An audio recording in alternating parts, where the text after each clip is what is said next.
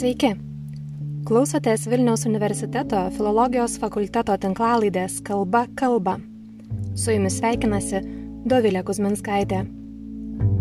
Ar tikrai susimastome, kokia reikšminga yra kalba? Kaip ji veikia mūsų santykius?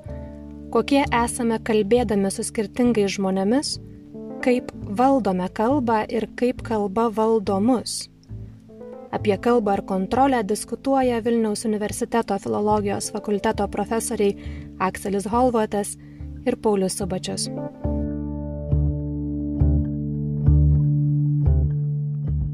Tema tokia, aišku, ambicinga, kurią aš pasiūliau pasikalbėti šiandieną ir nėra labai maža arba labai kukli. Ir pradėsim mūsų fakulteto tinklalaidės nuo rimtų ir didelių dalykų. Tai nuo kalbos ir kontrolės klausimo bet mėginsiu vėlgi neišeiti įprastas įtampas, konfliktus ir pasisvaidimą strėlėm. Mėginsiu iš karto klausti, šiek tiek gal provokuodama, sakydama, kad nėra neutralios kalbos arba neutralus kalbėjimas neegzistuoja. Ar labai klystu? Tai nežinau, kuris norės pradėti, ar jūs, Pauliau. Egzistuoja, pavyzdžiui, kita stotelė antakalnis tiktai tiek, jeigu yra ištrinamas kalbėtojas, ištrinamas tas subjektas, tai su juo ištrinamas ir na, subjektivumas. O subjektas turbūt negali būti neutralus, kalbėtojas negali būti neutralus, bent man taip atrodo, na, jis gali bandyti visai suvaldyti savo emocijas, savo vertinimus, savo santykius, na, mes dabar nuotoliniu būdu ir didelė Lietuvos dalis kalbėdama nuotoliniu būdu, ypatingai jeigu klausytojai neįsijungia kamerų, tai kai kalbam į tarsi kažkokią kosminę skylę, tai truputį gal daugiau yra to, sakykime, neutralumo, bet vis tiek niekaip neįsivaizduoju, kad e, kalba, būdama žmogaus padaru, gali būti neutrali, nes žmogus nėra neutralus. Akselė, ar pritartume? Taip, pasakyčiau, sakyčiau, kad jūsų klausimas iš tiesų yra provokacija. Atsakymo į jį žinoma nėra, nes kas yra neutralus kalbėjimas, kokiu požiūriu, kokiu atžvilgiu neutralus. Ar e, toks kalbėjimas, kuris nerodo socialinio statuso, išsilavinimo, e, nuostatų. Taigi, klausimas be atsakymo, bet gal gera įžanga į, į pokalbį mini Paulius tą subjekto ar ne elementą ir tai jau pozicionuoja mus tam tikroje vietoje. Tai yra mes iš karto pradedam galvoti apie tą dialogo elementą, kad kalbam iš kažkur ir į kažką. Ir tada galvočiau tiek kalbindama jūs kaip iš skirtingų sferų, iš kalbininkiškos prieigos, iš literatūrologinės prieigos, kas jūsų manimų sudaro arba apibrėžia kalbėtoją? Mėginkim gal nuo Akselio šis įk. Kalbėtoja sudaro visų pirma tai, ką žmogus gauna gimdamas. Kiekvienas žmogus turi tam tikrų įgimtų žinių ir vyksta diskusijos apie tai, ar tos įgimtos gal tai nežinios, o tam tikri kognityviniai sugebėjimai, įgūdžiai, ar jie yra kalbinio pobūdžio, nekalbinio pobūdžio.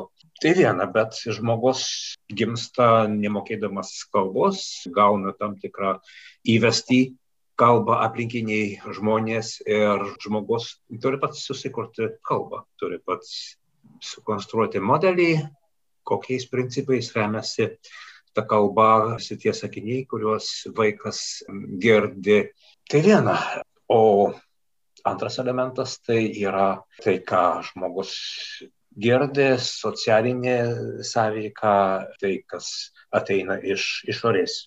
Ir tai yra iš esmės viena iš pagrindinių temų kalbininkų tyrimų, kiek yra žmogaus kalboje įgimta, kas išmokstama iš aplinkos ir taip toliau. Tai yra iš esmės sena filosofinė prieš priešą racionalizmo ir empirizmo tasa lingvistikoje. Kas mūsų daro, mes iki galo nežinom.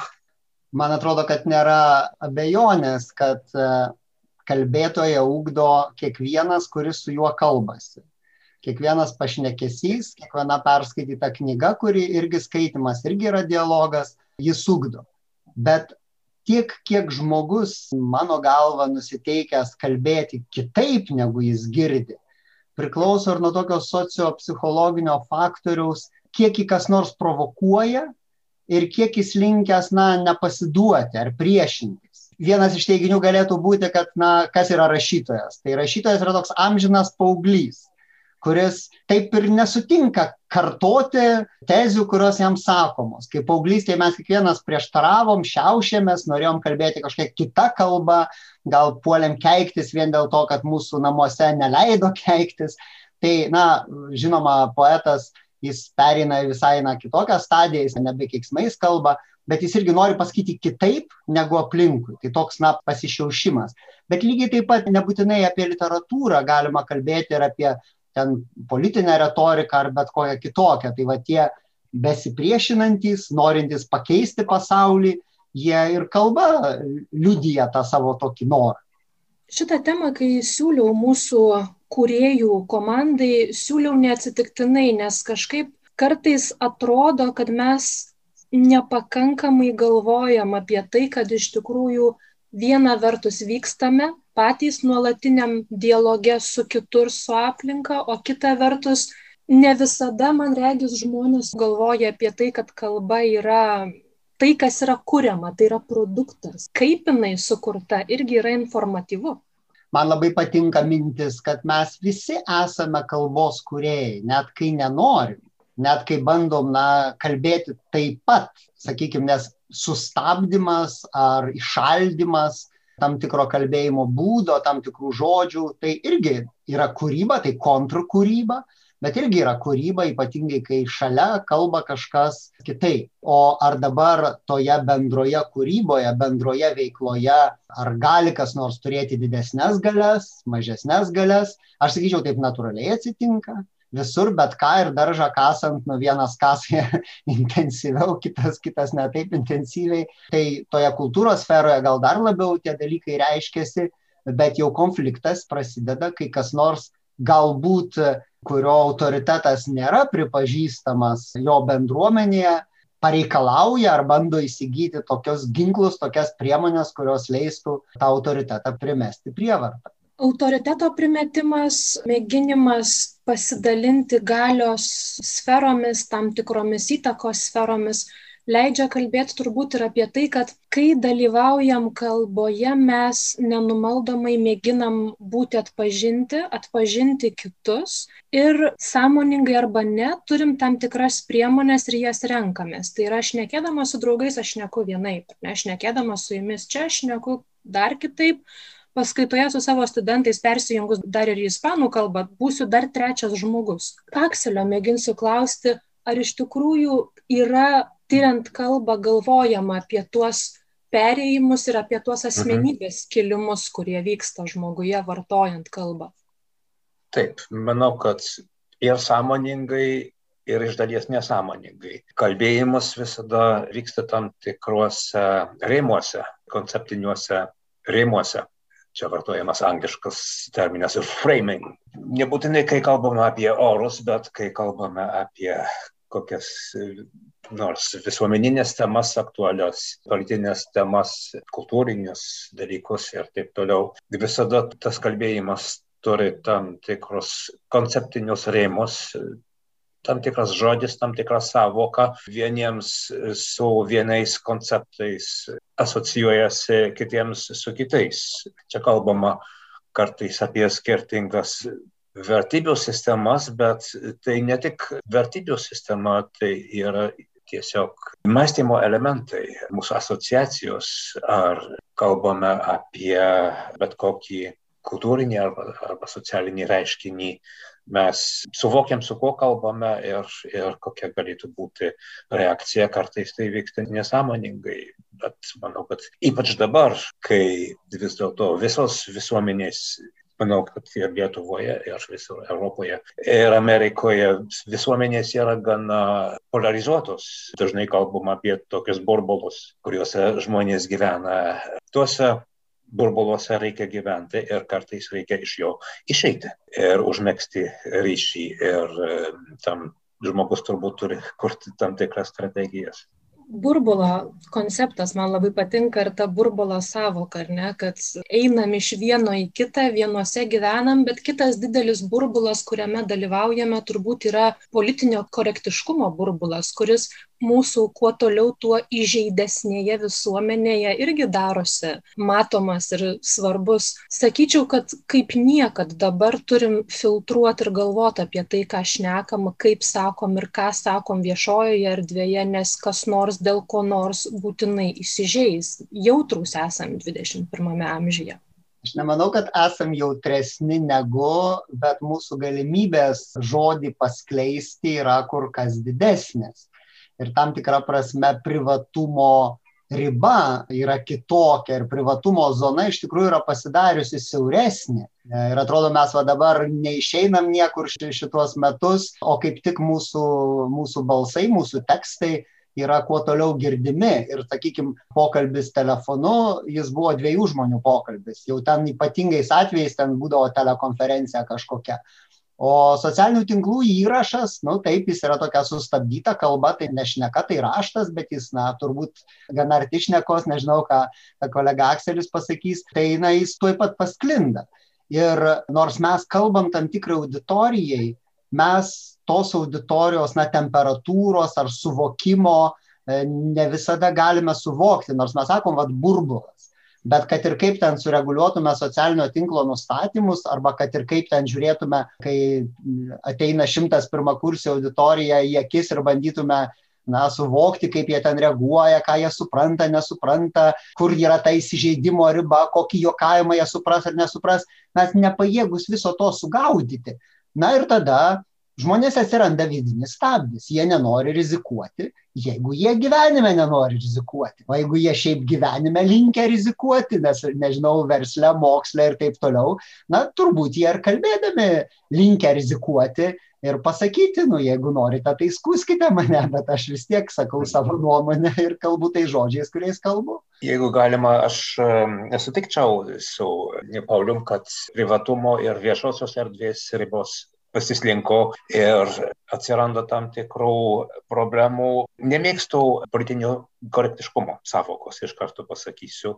Mes tą kalbėjimą viešojoje erdvėje vis dėlto norime kaip nors reguliuoti ir tas kalbėjimas reguliuojamas iš skirtingų perspektyvų yra, tarkime, tokia konservatyvioji pakraipa, kaip, na, žiūrima į kalbą kaip į paveldą ir norima išlaikyti kalbos tradiciją, tradicinį taisyklingą kalbėjimą. Iš čia atsiranda tam tikras norminimas, antra vertus, norima ir arba nenorima, kad e, viešoje erdvėje skambėtų kalba, kur pasireikštų rasizmas, pavyzdžiui, arba, tarkime, kažkokia lyčių diskriminacija ir taip toliau. Ir e, tai yra tos institucijos, kurios no, stengiasi tai reguliuoti, tai no, nori gerai. Žinoma, kaip Paulius pasakė, tai iš karto sukelia tam, tam tikrą priešingumą, norima man primesti tam tikras ribas, aš tam nepritariu, tai yra tas politinis korektiškumas, bet manau, kad politinis korektiškumas yra labai neigiamas apibrėžimas reiškiniui, kuris ir iš tikrųjų yra reikalingas. Bet čia atsiranda tam tikra antinomija. Kiekvienas bandymas reguliuoti sukelia priešišką reakciją ir nežinau, ar čia geras sprendimas gali iš vis atsirasti. Aš dar irgi sureaguočiau ir sakyčiau taip, kad ką yra lengviau sukontroliuoti arba ką lengviau pakeisti. Žodį, žodžius, frazę ar žmogaus santyki kadangi santykį yra sunku pakeisti, tai uždraudžia žodį. Bet uždraudus žodį santykis tai nepasikeičia. Nu, žmonės atranda kitų būdų, tai buvogi tabu daugybėje kultūrų, tai tiesiog pakeisdavo ten, e, buvo ursus, buvo lokys, buvo meška, buvo lepečkoja, buvo dar kas mhm. nors. Jeigu negali pasakyti vienai, pasakysi kitaip. O keisti tai reikia intenciją kalbėjimo. Čia labai gal krikščioniškai nuskambės, bet tai meilės yra per mažai vieni kitiems. Santykio bandymo suprasti, o žodžius uždraudus niekas nepasikeis. Tiesa, kol tos nuostatos nėra internalizuotos, regulacijos nedaug duoda ir gali sukelti nebent priešiškumą Bet kaip internalizuoti tas nuostatas, pagarbą kitiems žmonėms ir taip toliau, tai yra e, nelengva užduotis. Turbūt mes vienos tinklalaidės metu neatsakysim į šitą klausimą ar nepaskelbsim tokio universalaus recepto, o būtų gerai pasiektume populiarumo tam tikro. Kita vertus, galvoju, klausydama jų dviejų dar ir apie tai, kad eliminuodami tam tikrą kalbėjimą iš viešojo lauko, Ir čia remiuosi sakydama šitą mintį viena ispanų rašytoja, kuris savo, kad kai mes ištrinam tam tikros rušies kalbėjimą, mes ištrinam ir būdą suvokti kitokybę. Tai yra neutralizavę, išėmę tai, kas netaisyklinga, negražu ir netinkama, mes neleidžiam subjektui ir nedalyvaujančiam matyti, kad yra daug skirtingų dalykų. Tai yra, nežinau, pradėję vaikam nebepasakoti pasako apie raganas ir pabaisas, mes jiem pasakojam apie pasaulį, kuris minkštas ir pukuotas, ar ne, bet pasaulis nėra nei minkštas, nei pukuotas. Na vėl čia apie tą, apie tą santykį. Mumsgi svarbu, kad su skirtingais dalykais, su skirtingomis sferomis, su skirtingomis situacijomis atsirastų, na, tas santykis, kurį, nu, gal ten vyresnė, ar apsišvietę, ar, ar kaip, nu, laikytų adekvačiu, arba, na, bent jau, kad apskritai atsirastų tam tikras santykis, ypatingai kol žmogus auga, kad jis nu, nuspręstų, nes taip ir jo tapatybė atsiranda. Tai jeigu tu eliminuoji, tai ten na, lieka tam tikra tuščia vieta, dažniausiai nelieka tuščiai tada užpildoma kur nors, nežinau, pornografiniuose puslapiuose lankantis susiformuoja tos reakcijos ar panašiai, o ne viešumoje, kur tiesiog ne tai, kad ji turi būti kontroliuojama, bet ten, kur gali būti pasakyta pastaba, kur gali būti nusureaguota, pataisyta, pasiūlyta alternatyva. Ir va, na, literatūra yra viena iš tų sferų, viena stipriausių sferų, kuris siūlo alternatyvas kuris sako, kad labai įvairiose situacijose galima taip reaguoti, galima taip pasakyti, galima pasirinkti iš tokių reakcijų. Mes dabar gyvenam pasaulyje, kuriai dominuoja ta anoniminė elektroninė erdvė. Ir tas anonimiškumas sukelia labai įdomių efektų. Žmonės e, išlenda visokie dalykai, kurie nebūtų pasakyti formuluotės, kurios nebūtų vartojamos, jeigu žmonės bendrautų akis į akį, jeigu žmonės būtų nuolat priversti prisimti atsakomybę už tai, ką pasako ir pajustų atsakomybę ir santykiuose su kitais žmonėmis. Tai yra medijų, socialinių medijų problema, kuri nėra grinai kalbinė. Išėjom į tą kismų lauką, įvairialypumo, daugialypumo, skirtingų medijų lauką. Ir čia turbūt pradeda kilti tokie klausimai, tai jeigu viskas yra taip įvairu, taip keista, taip skirtinga, tai kur tada tas kalbos universalumas, kaip mes susišnekam ir kaip visas šitas daiktas veikia, ar ne? Ir čia galbūt pradėsiu klausti Akselio, kur yra kalbos universalumas ir kaip jisai bendradarbiauja, dalyvauja tame kismų laukia, tame laukia, kur mes žaidžiam rolėmis, vaidmenimis ir skirtingose medijose skirtingai atrodome patys savo ir kitiems. Universalumas yra kalboje, nekalbėjime. Universalumas yra tame, kas yra įgimta, mes visi kaip žmonės gaunam tam tikrą įgimtą bagažą ir tos idėjos, konceptai, su kuriais gimstame, jie yra universalūs, bet kalba yra hybridas, iš dalies biologijos nulemtas, iš dalies kultūros. Ir kalbėjime labai aiškiai pasireiškia ne kalbos sistemoje, o būtent kalbėjime pasireiškia tas kultūrinis kontekstas, kuriame gal daugėja universalumo dėl globalizacijos, bet yra vis dėlto vis dar labai didelė įvairovė, su kuria na, turėtume gyventi. Ir esame priversti gyventi, esame, net jeigu kokiam nors burbalė gyvenam, esame kartais priversti iš jo išeiti. Priartėsim prie to klausimo, kurį labiausiai turbūt visi mėgina taip apeiti arba apžaisti, kalbėdami apie kalbą ir kontrolę, ir galę, ir politiką, tai yra atitinkamos institucijos, kurios kiekvienoje šalyje arba daugelį šalių bent jau egzistuoja ir turi tam tikrus sprendimus, kuriuos priima ir sprendimo teisę, sakydami, kad taip su kalba elgtis galima, o taip negalima, taip sakyti galima, o taip negalima.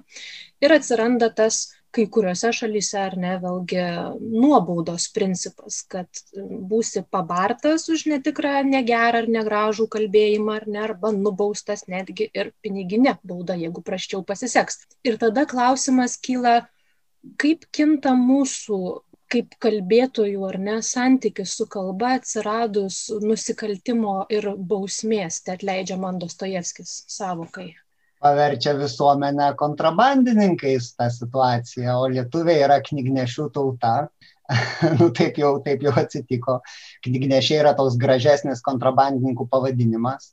Bet jeigu, na, nejokautumėm, o kalbėtumėm rimtai, tai šita situacija labiausiai liūdina dėl dviejų dalykų. Pirma, ji stabdo iš tikrųjų visuomenės raidą nes tokie kontrolės e, mechanizmai yra atsiradę, na, vis dėlto apšvietoje. Čia prancūzai yra šiaip jau pranokėjai, netų institucijų tiesiogiai, bet paties to mąstymo, na, kad reikia didžiąją visuomenės dalį priauginti iki kažkokio ligmens. Tai, bet tai visą tai prasidėjo tuo metu, kai dauguma buvo iš vis nemokėjo nei skaityti, nei rašyti.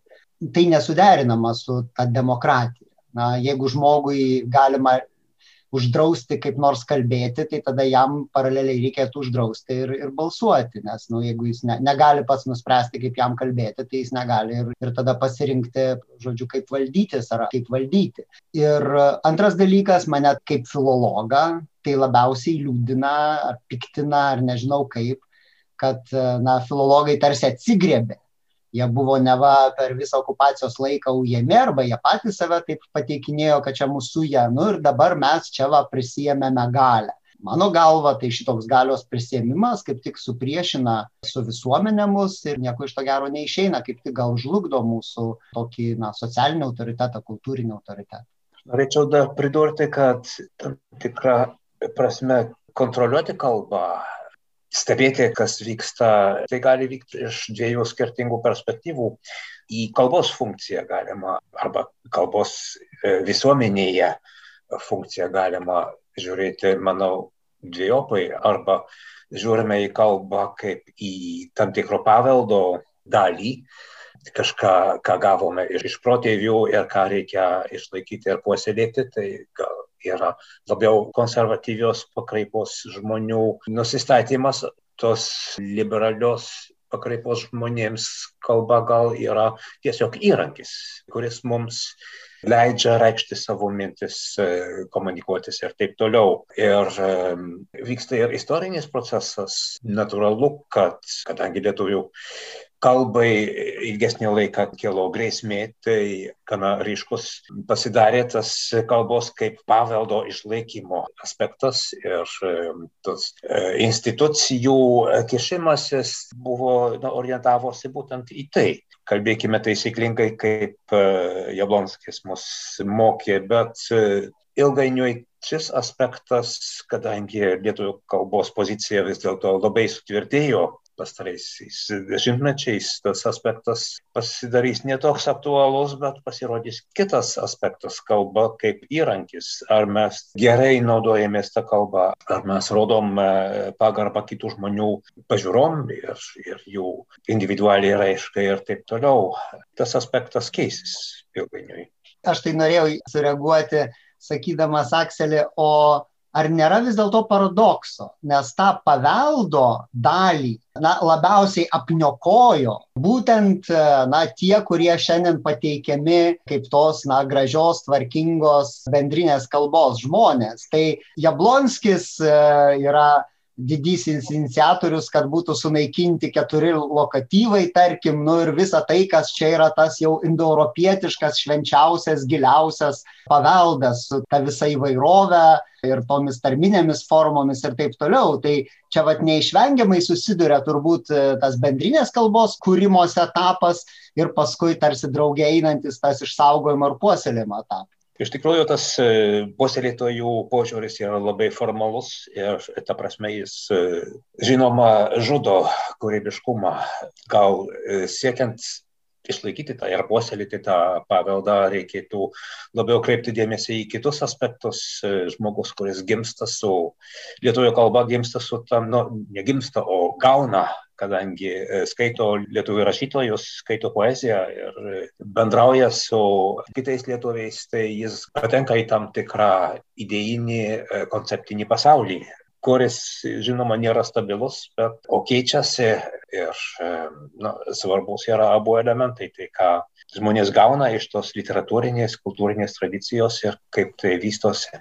Kalbos kontrolė yra toks nedidelis, nors labai svarbus, bet nedidelis mažas aspektas, ar ne? Kalba galios ir politikos santykiuose dalyvauja ir visai kitais principais. Ir čia norėčiau prašyti pakomentuoti, pamėginkim pagalvoti apie tai, kaip kalba ir kalbėjimas dalyvauja galios santykiuose. Kalba yra galios įrankis be abejo ir čia norėčiau grįžti prie e, rėmų koncepto. E, kalbėjimas vyksta tam tikrose rėmuose visada ir tas, kuris e, primeta rėmus viešojo diskurso tas ir e, įgyja tam tikrą galę. Kalbame apie kokius nors e, politinius e, dalykus, ekonominius, apie mokesčius, pavyzdžiui. Visi mokam mokesčius, kas su kuo asocijuojasi. Ar mokesčiai yra geras dalykas, ar iš to, tų mūsų mokesčių statomos mokyklos ir, ir finansuojamas kultūrinis gyvenimas, ar tai yra dalykas, kuris varžo mano laisvę, kur valstybė kišasi į mano privačią sferą. Ir tai, kaip mes suvokiam dalykus, kaip įrėminame, tai nevyksta spontaniškai. Yra žmonių, kurie bando mums primesti tam tikrus rėmus, politi kiekvienas politinis judėjimas bando tuos savo rėmus primesti. Be abejo, ir tai yra labai svarbus dalykas. Ne visada tai suvokiam. Ir tai iš dalies vyksta nesąmoningai, mes nesuvokiam, kad tai vyksta. Galios žaidimuose na, laimi tas ar užima didesnį lauką tas, kuris sugalvoja, kaip pasakyti. Pasakyti taip, kad jį išgirstų, pasakyti taip, kad jį priimtų. Ir čia, na, va, tas visuomenės mūsų susisluoksniavimas iš to ir matyti, kad vieniems žmonėms na, labai patinka tokie galbūt išmoningesni, gudresni pasakymai, kuriuose yra ir daugiau ironijos. Ir mums atrodo, štai čia yra tie visuomenės vedliai, tie politikai, kurie na, mato viską tarsi giliau, įvairiau, įdomiau, Bet kita visuomenės dalis nesupranta tokio kalbėjimo. Jis nori kaip tik labai tokio paprasto, labai aiškaus, nu galėtume pasakyti tokio išdėlioto ant pirštų. Ir visą laiką yra ta tokia demokratinė tada įtampa ir toks tarpusavio žaidimas. Ir net tos e, rinkimų sviruoklės iš esmės galėtų būti, kad vieną kartą nusveria toks labiau ironiškas ir gudresnis kalbėjimas, o kitą kartą toks paprastesnis, tiesmukesnis, žadantis kalbėjimas. Ir turbūt, jeigu dar išeitumėm, stebėdami šitos dalykus ar ne, išeitumėm į užsienio šalis, matytumėm, kaip kiekvienoje šalyje yra priimtinas vėlgi tam tikras kalbėjimas ir tam tikras politinis diskursas. Ir turbūt akivaizdžiausias pavyzdys būtų Junktinės Amerikos valstijos, kur visi prezidentiniai debatai ir visas viešasis politinis kalbėjimas vyksta tokiamis formulėmis, kurios pas mus veikiausiai būtų neįsivaizduojamos. Be abejo, viešojo diskurso tradicijos yra skirtingos, tai yra istoriškai nulemta. Antra vertus, nes vyko rinkimai Amerikoje, neseniai turėjome progą stebėti, kas ten vyksta viešajame diskurse, tai matosi ir panašumai, ta didėjanti polarizacija ir tie burbulai ir tai, kad žmonės kalbasi ir nesusišneka, kalba apie skirtingus dalykus, kadangi konceptiniai rėmai yra visiškai skirtingi, kaip kalbasi demokratas su respublikonais Amerikoje, tai yra nu, beveik cirkas, sakyčiau. Pasidaužimas burbulais, vienas burbulas į kitą. Taip. Mhm bet galima būtų ir geresnį pavyzdį paimti ar pozityvesnį pavyzdį, tai taip kaip yra kalbama Britų parlamente tai nors na šiuolaikinė visuomenė ir mes net čia taip kalbam kad na visi yra tos kalbos savininkai visi kuria ir taip toliau. Bet vis dėlto jeigu norėtum kalbėti taip kaip kalba britų politikai parlamente to reikėtų labai ilgai ir intensyviai mokytis. Ir va mokytis kalbinės raiškos orientuotos į specialią paskirtį, specialią funkciją atliekančios, nu, va, tos tradicijos tikrai mes neturime. Yra žmonių, kurie iš prigimties, nu, yra kalbėtojai, jie galbūt kažkur šiek tiek ir mokėsi, bet vis dėlto ta tradicija mūsų šito požiūriu tikrai yra labai labai silpna. Vis dėlto tas kalbėjimas Britanijos parlamente tai yra ir teatras. Galime pasimėgauti, e, bet tai yra išmoktas e, teatras ir e, nesvarbu ir pamatyti, kas, kas po apačia. Ir tai, kas po apačia gal lietuviškame diskurse, kitokiam diskurse labiau išryškėtų. Nežinau, kas, kas geriau, žinoma, tam tikrų formų išlaikymas, žinoma, yra svarbus toks naivokas gal klausimas, bet vis tiek. Akselio mėginsiu klausti, ar akylas ir ausylas kalbininkas pajunta, kada kalbėtojas bando įgauti tą galios poziciją?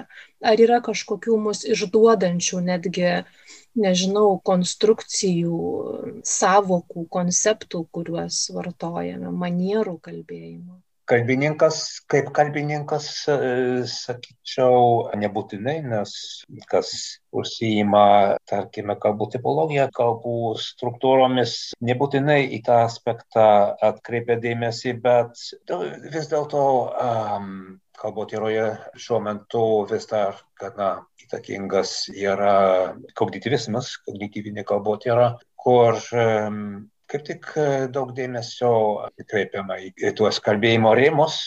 Čia reikėtų visų pirma e, paminėti Džordžą Leikofą, kuris daug yra rašęs apie tuos dalykus, apie galios santykius, kaip jie atsispindi kalboje, apie tų rėmų kūrimą ir, ir primetimą. Ir kadangi visa tai vyksta nesąmoningai, labai dažnai žmogus nesupranta, bet paskaičius, pavyzdžiui, tą Bleikofą galima suprasti, kiek, kaip bandoma mus paveikti, o mes to dažnai net nesuprantame. Ir tuomet jau tada žmogus ir darosi jautresnis tiems dalykams, be abejo. Paulius yra tas žmogus, kuris mane prieš ne vienerius metus išmokė žodžio diskursas ir ne mane vieną, tai aš dabar jam šį klausimą ir suteiksiu iš karto, kurį ketinu užduoti. Jeigu kalbėtumėm apie šio laikinį Lietuvos viešąjį diskursą, apie tai, kaip mes kalbame, kas vyksta medijose įvairių rušių, tai nuo socialinių tinklų iki viešų politikų pasisakymų, pavadinkim taip griežtesniais formatais, ar yra tam tikrų tendencijų, kurias matytumėte ir galbūt galima netgi būtų pastebėti tam tikrų pokyčių per tuos nepriklausomybės dešimtmečius?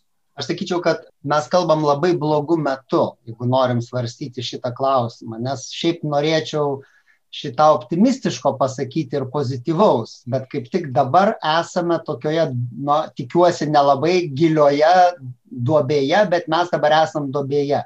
Kaip tik va tuo metu, kai mes kalbame, čia pastarąsias savaitės, čia žinoma galima kalbėti apie visą kontekstą ir pandemijos ir taip toliau, tai visas diskursas yra nepaprastai isteriškas. Visa tai, kas yra susiję su seksualumu plačiaja prasme ir čia dabar galima na, minėti tas visas aktualijas, politinius projektus, kurie yra svarstomi, įmuša visą visuomenę ir na, tai matom kaip diskursą, kaip kalbėjimo būdus ir, ir tuos kalbėjimo agentus ir galės, galių pasiskirstimą, viskas tampa nepaprastai isteriška. Mes atsimenam Kedžio istoriją, tuo metu buvo tikrai visuomenė labai polarizuota ir būtent labai isteriška, visi kalbėjo vis aukštesniu tonu, vis radikaliau, vis labiau kaltinančiais žodžiais vieni kitus ir, ir būtent be absoliučiai jokio pasitikėjimo. Galbūt aš drįstu prieštarauti, bet aš pasitikiu ir kitas na, turi gerą valią. O čia mes esame įpuolę kaip tik į tokią duobę, kur visi prezumuoja kito blogą valią, kad jis nu, ten šitoniškas, kad jį ten kontroliuoja kažkas, žodžiu, viskas į samokslo teoriją perina. Bet jeigu, na, išlipus dabar iš šitos duobės ir truputį tokiu panoraminiu žvilgsniu pažiūrėjus, tai vis dėlto aš sakyčiau, kad ta jaunoji karta, na ir jau pačios Dovilio karta, po nepriklausomybinė kalbėtojų karta, kurios, na, ypatingai po pastarųjų rinkimų tikrai gana daug pasirodė, pasirodė ir politikoje, ir ministrų, ir taip toliau, vis dėlto jie, mano galva, kalba racionaliau. jie na, turi tą konceptą tam tikrą, ką jie nori pasakyti ir išdėsto. Aš vis dėlto sakyčiau, kad tai yra susijęs su sąmoningu ugdymusi politiniai veiklai nes ta posovietinė e, politikų karta, jie vis dėlto buvo tokie, na, kažkokie natūralūs ar gamtiniai politikai. Na, iš prigimties turėjo tą gebėjimą ir juo pasinaudojo. Dabar vis dėlto ateina karta žmonių, kurie na, nuo ten gal 16-15 metų nuo moksleivių parlamento, paskui per kokius tarptautinių santykių e, studijas jie mokėsi ir ruošėsi būti politikais, bandyti pasakyti, na, plačiai auditorijai, atsirinkti, kiek dalykų galima pasakyti per tam tikrą laiką diskusijoje. Na ir aš turiu vilties, kad tai plėsis. Labai malonu išgirsti tą jūsų optimizmo natą jūsų žodžiuose, Pauliau. Bet e, jeigu kalbame apie tą bendrą nelabai gerą viešojo diskurso atmosferą, manau, kad tai nėra lietuviška specifika e, visur Europoje ir pasaulyje. Ta isteriškumą e, viešųjų debatų galima pastebėti. Daug kas prie to prisideda ir medijų kalba, anoniminių medijų kalba daro savo, man atrodo. Ar tuomet turime, kylant vėlgi nuo to diskurso koncepto, ar turim dabar šiuo metu mes savo visuomenės kažkokį naratyvą vientisą, ar jisai yra labai fragmentiškas, ar pastebėtumėt kažkokią tokią sąmonę, kuri mus apibrieštų, ar taip išsidalinam į palapines, kad kiekvienas sėdim savo palapinį, užsisegę užtruktuką ir iš ten atsišaudom į kitus nebejotinai vienas naratyvas yra, kad mums trūksta naratyvo, kad mums būtinai reikia išrasti, įdėkti ar atkurti ir taip toliau. Ir tai, na, yra ta konservatyvioji turbūt visuomenės dalis ir čia yra ir pilietinio ūkdymo visokie tokie šūkiai, kurie sakomi labai garsiai ir, ir labai taip emblemiškai o sakyčiau vis dėlto, kas gal netaip deklaruojama, bet ką galima irgi išvelgti ir na, pavadinti turbūt naratyvu, tai vis dėlto yra pasakojimas, toks gana reflektuotas pasakojimas, kad vis dėlto mes gyvename geriau. Greta to skundų viso fono yra vat, visa jaunoji karta, ji gal gali nusiskūsti kažkokią smulkmeną, bet yra, na, girdėti toks bendras tikėjimas, kad yra geriau ir bus geriau kuo tai galėtų galbūt e, na, maslesnius žmonės šiek tiek gazdinti, mūsų dabartinė situacija tą rodo. Tikėjimas amžinų progresu ir, ir, ir tuo, kad žmonija vis geriau ir puikiau gyvena, na, jis net jeigu ir taip, tai nuolat sutrikdomas kokiu nors smūgiu. Ir tiems na, smūgiams galbūt irgi reikia ruoštis, užsigrūdinti. Tai progreso naratyvas ir tuo gazdina čia kaip tik e, minint Lietuvos valstybingumo šimtmetį buvo nemažai dėmesio skirta ir, ir meno srityje, ir kultūrinių studijų parodų apie tą progreso lokomotyvą, kaip ir prieš šimtą metų ar, ar prieš 80 metų buvo labai tikima, kaip ta Lietuva eis į priekį nesustabdomai. Na, atsimename istoriją, kaip nutiko, tai labai norėtųsi, kad tas nepasikartotų, bet draugė tai ir verčia šiek tiek persergyti. O kokia yra kultūros vieta, kuriant tą visuomeninį naratyvą? Kultūros plačiaja prasme, aš nenoriu, kad mes čia savo kaip filologai užsimestumėm laurų, ar ne dabar. Yra indėlis, reikšmingas indėlis, ar vis dėlto politinis diskursas dominuoja? O gal tai yra individualių šnekėjimų suma? Gal Paulius čia galėtų pakomentuoti, aš ne iš karto randu atsakymą jūsų klausimu. Aš tai kadangi suprantu kultūrą plačiai, ne kaip meninę kultūrą, ar net ne kaip akademinę kultūrą. Manau, kad tokioje valstybėje kaip mūsų ypatingai yra ta glaudi sąveika dėl tradicijų, dėl, dėl to, kad na, vis dėlto mes esame nacionalinė valstybė ten kam patinka, kam nepatinka, kas sako, kad čia jau grėsmė ją iškilu, iškilusi, bet ta bendruomenė nu, vis tiek yra dar tokia sutelkta tam tikrą prasme ir, ir kupina baimių, kad vėl čia kas nors neištiktų, nu, arba dabar baimių dėl emigracijos ar, ar, ar dėl kažkokio karinio konflikto tai dėl to sąveika yra labai labai didelė. Ir e, menininkai kartais, ar tas meninis diskursas, jis bando net nu, užsidaryti, reikalauti to savo autonomijos, akademija irgi reikalauja autonomijos, bet man atrodo, čia tokia yra didelė difuzija, taip viskas prasisunkia ir pereina iš vieno į kitą, kad vis tiek mes, nepaisant tų burbulų, nugyvenam tokiam tikrai ir verdam labai, labai bendram katile. Ir iš tokios samprotavimo išplauktų ir tai, kad, na, tos visos meninės iniciatyvos, ar platesnė prasme, na, jos yra tikrai labai labai svarbios. Ir, na, kad ir koks nors vis dar Lietuvos ansamblio, čia mininčio savo įkūrimo Stalino dekretu, E, jubiliejų na, pozicionavimas visuomenėje draugiai reiškia, nu, kokie mes visi esame. Arba priešingai, e, opera Venecijoje irgi savo, kokie mes esame. Ir čia va ir yra tie poliai didžiulės įtampos, e, kurioje gyvename. Akselio norėsiu klausti, dar apie tas tendencijas, ar nešnekėjome su Pauliumi apie tendencijas viešojo diskurso, apie naratyvų tas slinktis ir judėjimus o kaip yra su kalbotyros lauku ir esu skaičiusi jūsų pasisakymus, ar ne, kad iš tikrųjų kalbotyros laukia irgi yra tam tikrų madų, yra tam tikrų tendencijų. Kokius kismus jūs pastebite kalbotyros laukia, kalbėjimo apie kalbą laukia? Nu, tą, tą žodį matą aš visada vartoju, na, truputėlį e, ironiškai. Tendencijos, sakyčiau, kad e, kalbotyroje. Iš tikrųjų galima būtų um, kalbėti apie periodus, kai labiau akcentuojamas tas e, kalbos universalumas. Yra ir periodų, kai, kai akcentuojamas kalbų įvairovė ir, ir e, tas tam tikras relativizmas pasireiškia. Manau, kad šiuo momentu praėjo tam tikras tokio ryškaus universalizmo laikotarpis ir kalbininkai vis labiau masto apie tą milžinišką kalbų įvairovę ir kaip um, tą įvairovę reikia interpretuoti.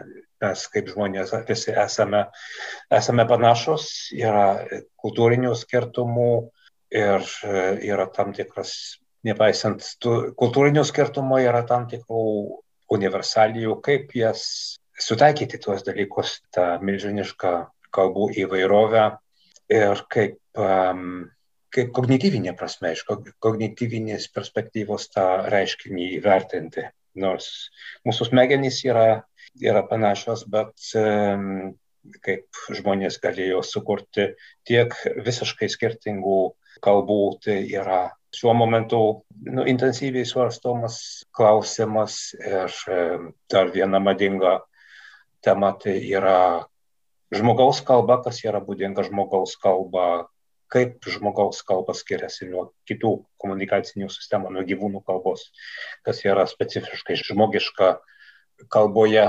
Čia šiuo momentu vyksta labai įdomios diskusijos. Aš apie vieną madą Akselio paklausčiau.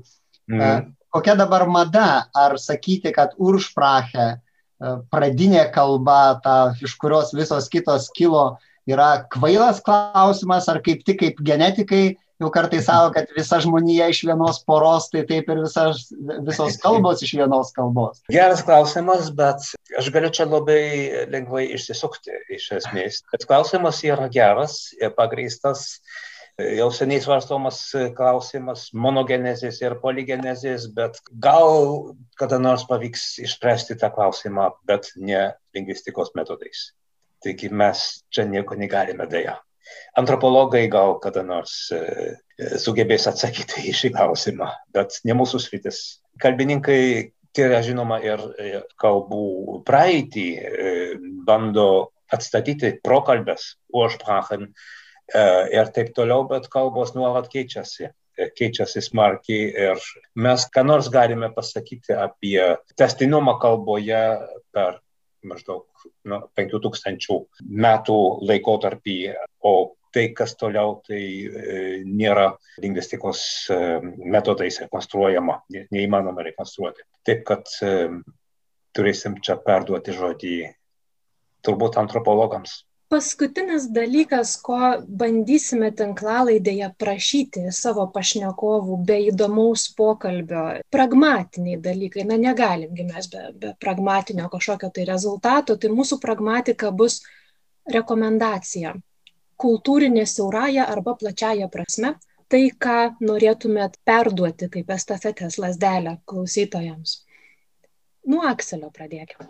Kadangi kalbėjome apie, apie kalbą, iš ko jie susideda ir kokiuose rėmuose jie funkcionuoja ir kas joje įgimta, neįgimta, tai norėčiau rekomenduoti vieną autorių, kuris dėja turbūt dar neišverstas į lietuvių kalbą. Tai yra ne lingvistas, o psichologas e, iš Junktinių valstijų Stevenas Pinkeris, kuris labai daug rašo apie kalbą ir labai gerai ir gražiai rašo apie kalbą plačiai publikai. Paskutinė jo knyga vadinasi The Stuff of Our Thought, mūsų minčių medžiaga, sakyčiau, iš ko susideda, ką kalba mums pasako apie mūsų mintis, apie mūsų konceptualizavimą ir taip toliau. Galiu rekomenduoti, kas skaito angliškai, gal kas nors ir, ir sumanys išversti į lietuvių kalbą. Ačiū, Akseli. Pauliu. Aš bandysiu pasiūlyti romaną kas gal neskaito angliškai ar, ar kas nenori skaityti angliškai, tai ką tik pasirodė Džono Steinbeko rūstybės kekių, naujas e, Gabrielės Bernotenės vertimas, geras vertimas ir pats, e, na, romanas, man atrodo, yra įspūdingas tuo, kad jis kritikuoja kapitalizmą. Jis kalba apie šio pasaulio dabartinės antvarkos negerovės, bet nesiūlo nuversti sistemos, pakeisti, kas dažniausiai nu tuose tokiuose kritiškuose kūriniuose yra, e, siūlo gal kažkokias kitokias, labiau humanistinės išeitis.